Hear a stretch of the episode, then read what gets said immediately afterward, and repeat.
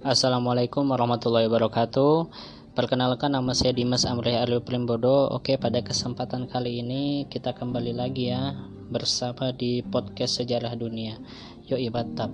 Oke, pada kesempatan kali ini nih kita akan ngebahas nih tentang mungkin nih teman-teman pernah dengar nih ya judulnya tentang Kekaisaran Turki Utsmani atau Ottoman Empire. Nah, mungkin kalau misalkan berbicara tentang Ottoman Empire atau tentang kekaisaran kekhalifahan Turki Utsmani ini pasti yang ada di benak teman-teman nih pasti tentang penaklukan Konstantinopel ya yang dipimpin oleh Muhammad Al-Fatih atau Sultan Mehmed II.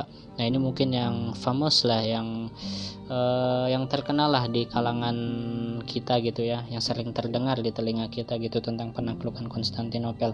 Nah, namun di sini nih pada kesempatan kali ini nih uh, kita nggak bahas tentang itu dulu cuy. Mungkin di lain kesempatan kita bisa ngebahas tuh tentang penaklukan Konstantinopel. Nah, pada kesempatan kali ini nih kita akan berbicara membahas berdiskusi ya lebih tepatnya berbagi pengawasan ya.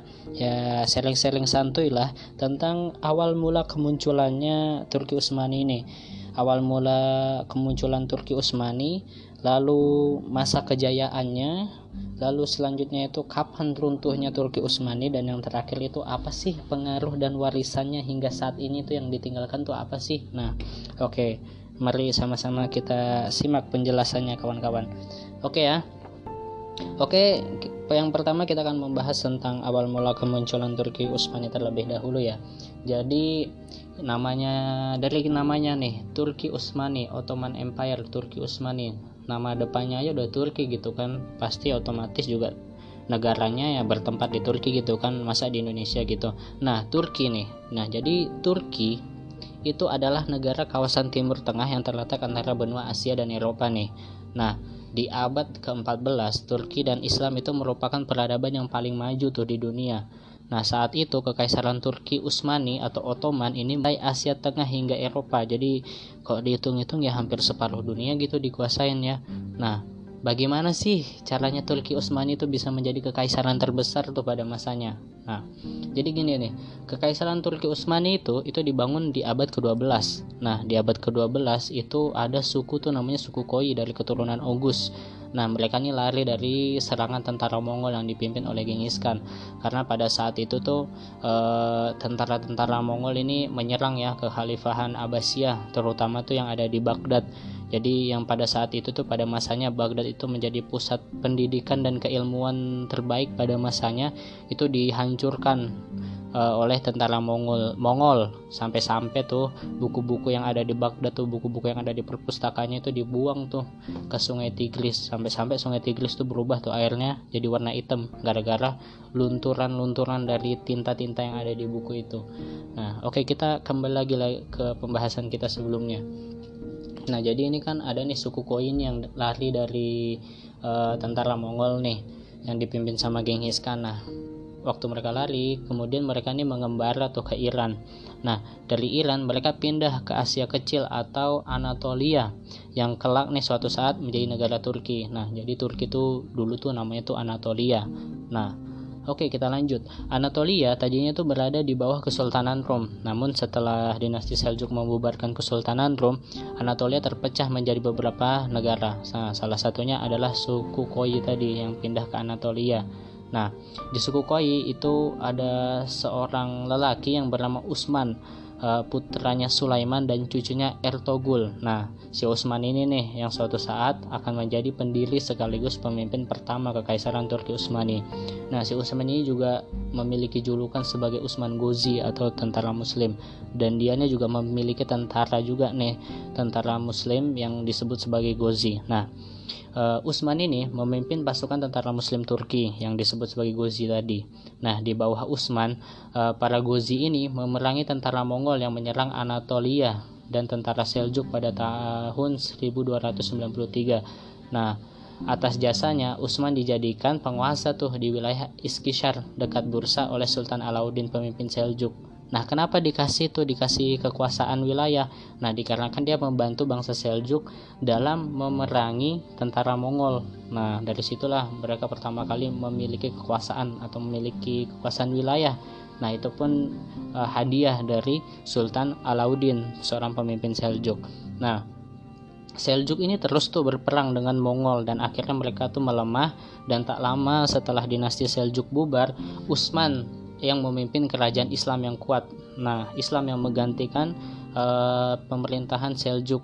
Nah, Nah, pada saat itu, kemunculan Usman dan tentaranya ini, ini menarik banyak orang, menarik banyak perhatian orang-orang yang ada di kawasan Timur Tengah.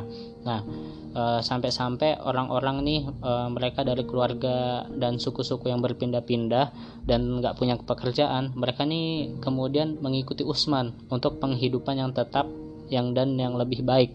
Nah, mereka mulai masuk Islam dan membantu Utsman memperluas wilayahnya. Nah, Utsman berperang melawan tentara Bizantium yang berpusat di Konstantinopel yang kini menjadi Istanbul yang sering kita dengar sebagai Istanbul. Nah, Bizantium itu adalah kekaisaran Kristen yang meneruskan kekaisaran Romawi. Nah, kalau misalkan kawan-kawan pernah dengar nih Uh, uh, kalau misalkan teman-teman pernah nonton film uh, Fatih 1453 atau pernah baca buku tentang penaklukan Konstantinopel. Nah ini nanti daerah sini nih daerah Konstantinopel inilah yang nanti suatu saat bakal ditaklukkan sama Muhammad Al-Fatih nih. Oke kita lanjut uh, ke pembahasan kita nah pada tahun 1300 Utsman ini menguasai Anatolia setelah berkali-kali mengalahkan Bizantium nah Utsman dan bangsanya semakin berkembang seiring dengan melemahnya kekaisaran Bizantium. Nah, dia ini udah mulai nih menguasai te menguasai teritori Bizantium dari pinggir wilayah awal Turki Utsmani. Nah, wilayah awal Turki Utsmani ini membentang sampai Mediterania Timur dan Balkan. Nah, terus putranya Utsman, ini Orhan, ini dia juga telah menaklukkan Bursa pada tahun 1324 dan menjadikannya sebagai ibu kota Utsmaniyah. Nah, di sini nih tentang pembahasan awal mula kemunculannya Turki Utsmani. Oke, sekarang kita lanjut nih ke mana? Ke pembahasan mengenai tentang masa-masa kejayaannya Turki Utsmani. Jadi eh, awal mulai Turki Utsmani ini emang setelah khilafahnya Abbasiyah ya. Setelah khilafah Abbasiyah di Baghdad itu runtuh Nah dari sinilah mulai terbentuknya khilafah baru yang disebut sebagai Utsmani, khilafah Utsmaniyah atau Turki Utsmani, Ottoman Empire. Nah di sini nih kita akan ngebahas nih, kita akan ngulik nih tentang kejayaan-kejayaan apa aja sih yang ada di peradaban Turki Utsmani. Nah pada awalnya ya kerajaan Turki Utsmani kan cuma memiliki wilayah yang sangat kecil tuh, yang pembelian dari pemimpin Seljuk Nah, dengan adanya dukungan militer, jadi tidak beberapa lama kemudian Turki Utsmani ini menjadi kerajaan yang besar, bertahan dalam kurun waktu yang lama. Jadi emang kekuatan militer Turki Utsmani ini nggak bisa ditandingin gitu loh, nggak bisa dilawan. Nah, terus kemajuan dan perkembangan ekspansi kerajaan Turki Utsmani yang demikian luas dan berlangsung dengan cepat itu diikuti pula oleh kemajuan dalam bidang-bidang kehidupan yang lain nih. Nah, di antaranya sebagai berikut nih. Yang pertama nih, masa-masa kejayaannya itu ada di bidang kemiliteran. Lalu yang kedua ada di bidang pemerintahan yang ketiga ada di bidang ilmu pengetahuan yang keempat ada di bidang budaya dan yang terakhir itu ada di bidang keagamaan Nah, kita akan ngulik nih satu-satu nih. Yang pertama itu di, bidang kemiliteran dulu nih. Nah, para pemimpin kerajaan Turki Utsmani ini adalah orang-orang yang kuat sehingga kerajaan dapat melakukan ekspansi dengan cepat dan luas. Namun kerajaan Turki Utsmani mencapai masa kemasannya itu bukan semata-mata karena keunggulan politik para pemimpinnya doang, Nah, akan tetapi yang terpenting di antaranya adalah keberanian, keterampilan, ketangguhan, dan juga kekuatan militernya yang sanggup bertempur tuh kapan aja dan di mana aja. Nah, sampai-sampai kalau misalkan teman-teman pernah nonton atau baca cerita tentang penaklukan Konstantinopel itu kan sampai berapa hari itu sampai berapa minggu sampai berapa bulan tuh mereka eh, apa menggempur tembok yang ada di Konstantinopel nggak pulang-pulang walaupun begagal berkali-kali oke kita lanjut back to the laptop ya kita kembali lagi ke pembahasan kita. Nah, ini ada nih seorang pemimpin Turki Utsmani yang namanya tuh Orhan. Dia ini adalah orang yang pertama kali atau perta, uh, uh, pemimpin Turki Utsmani yang pertama kali mengorganisasi kekuatan militer dengan baik serta taktik strategi tempur yang teratur. Pada periode ini tentara Islam itu pertama kalinya masuk ke Eropa. Nah, Orhan ini juga berhasil mereformasi dan membentuk tiga pasukan utama tentara. Yang pertama itu tentara Sipahi atau disebut sebagai tentara reguler uh, yang mendapatkan gaji tetap tiap bulannya. Yang kedua itu tentara Hazib atau tentara irreguler yang digaji pada saat mendapatkan harta rampasan perang atau disebut sebagai uh, almal algonimah. Nah, lalu yang ketiga itu tentara Jenisari. Ini mungkin yang paling terkenal ya di antara tentara yang lainnya yaitu tentara Jenisari atau al atau yang disebut sebagai Inkisyariah. Nah, tentara yang ini nih, ini tuh mereka tuh direkrut pada umur 12 tahun Nah bayangin coba umur 12 tahun itu udah direkrut jadi tentara sedangkan kita aja umur 12 tahun tuh masih kelas 6 SD kali ya. Nah, di sini nih kebanyakan adalah anak-anak Kristen tuh yang dibimbing ke dibimbing secara Islami dan dikasih dengan pendidikan disiplin yang sangat kuat. Nah, pasukan inilah yang dapat mengubah negara Turki Utsmani menjadi mesin perang yang paling kuat dan memberikan dorongan yang amat besar dalam penaklukan negara-negeri negeri-negeri non-muslim. Nah, Eh, selanjutnya yaitu di bidang pemerintahan. Nah, suksesnya ekspansi Turki Utsmani selain karena ketangguhan tentaranya juga dibarengi pula dengan terciptanya jaringan pemerintahan yang teratur dalam pengelola wilayah e, yang luas. Para raja-raja Turki Utsmani ini juga senantiasa bertindak tegas dalam struktur pemerintahan Sultan itu sebagai penguasa tertinggi dibantu oleh Sodor Al-Azam atau Perdana Menteri yang dibawahi oleh Pasa atau Gubernur.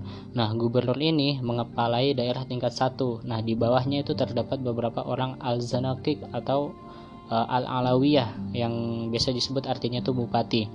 Nah, uh, selanjutnya nih kita beralih ke bidang ilmu pengetahuan.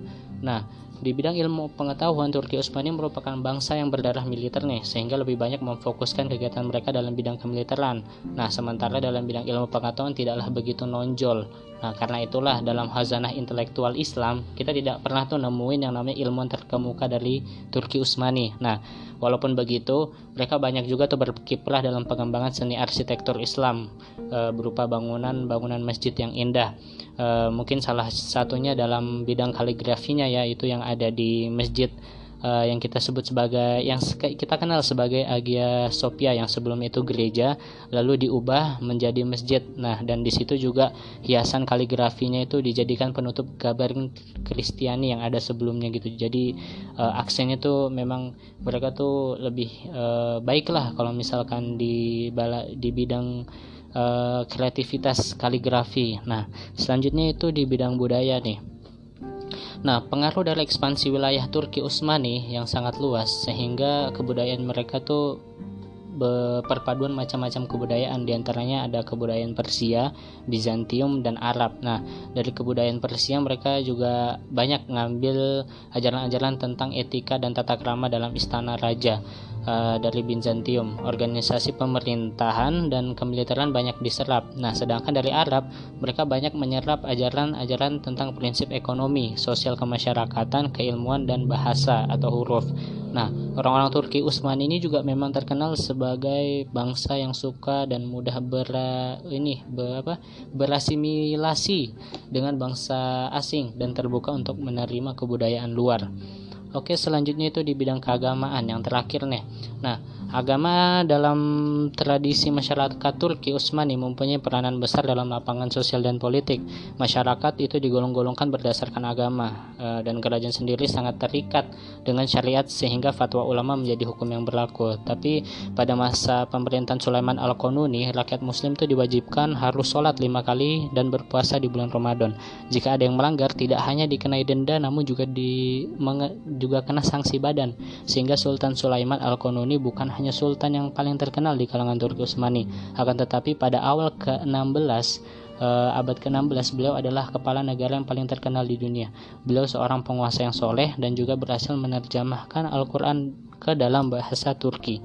Oke, uh, bahkan pada saat Eropa terjadi pertentangan antara Katolik, uh, mereka diberi kebebasan dalam memilih agama dan diberikan tempat di Turki Utsmani. Bahkan Lord Kersey itu mengatakan bahwa zaman di mana dikenal ketidakadilan dalam kezaliman Katolik Roma dan Protestan maka Sultan Sulaiman yang paling adil dengan rakyatnya walaupun pada saat itu dia tidak beragama Islam. Nah, mungkin ini karena waktunya yang terbatas ya, jadi kita nggak bisa ngebahas lebih lama lagi. Kita lanjut aja ke poin yang terakhir nih tentang pengaruh dan warisan hingga saat ini. Kalau misalkan pengaruh ya, e, sudah banyak ya pengaruhnya ya.